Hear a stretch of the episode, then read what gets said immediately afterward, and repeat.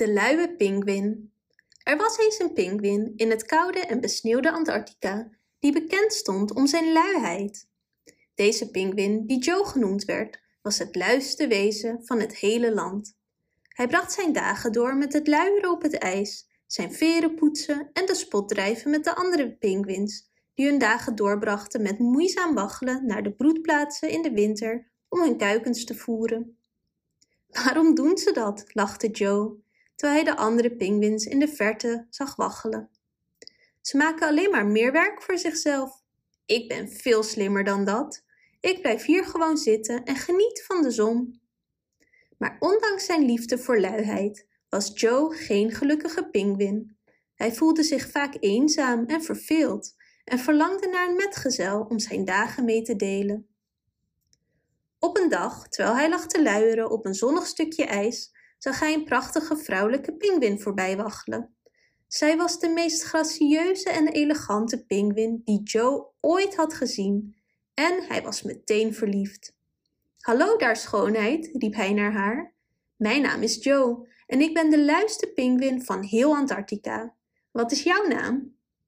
De vrouwelijke pinguïn stopte en keek hem aan met een mengeling van vermaak en medelijden.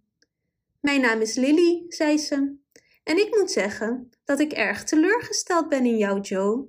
Je mag dan wel de luiste pinguïn van Antarctica zijn, maar dat is niet iets om trots op te zijn. Wil je niet iets doen met je leven? Joe was geschokt door haar woorden. Niemand had hem ooit zo uitgedaagd. Het maakte hem duidelijk dat zijn liefde voor luiheid het had laten voorkomen dat hij echt gelukkig kon worden. Je hebt gelijk, Lily, zei hij gegeneerd. Ik wil geen luie pinguïn meer zijn. Ik wil net zo zijn als de andere pinguïns en op een broedplaats wonen en naar het water waggelen om mijn kuikens te voeren. Lily glimlachte naar hem en Joe's hart sloeg een slag over. Ik ben blij dat te horen, Joe, zei ze.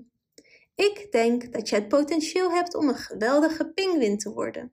En als je bereid bent om moeite te doen, zou ik graag een kuiken met je opvoeden. Joe was dolblij met haar woorden. Voor het eerst in zijn leven voelde hij zich echt gelukkig en vervuld. Hij bracht haar landinwaarts naar de broedplaatsen en werkte hard om een nest voor hen te bouwen. Samen waggelden hij en Lily om de beurt de lange afstand van de broedplaatsen naar het open water. En ze voedden hun kuiken elke dag totdat het sterk en gezond was. En hoewel de reis naar het open water moeilijk en vermoeiend was, was Joe blij dat hij het deed wetende dat hij verantwoordelijk nam door voor zijn familie te zorgen. Uiteindelijk leerde Joe dat luiheid niet de weg naar geluk was en dat verantwoordelijkheid, hard werk en toewijding de sleutel waren tot echte vervulling. En terwijl hij over het besneeuwde landschap waggelde, lachte hij om de herinnering aan zijn oude luie zelf. En hij wist dat hij nooit meer die pinguïn zou zijn. Bedankt voor het luisteren. Wist je dat je dit verhaal ook op onze website ririro.com/nl kunt lezen, downloaden en printen?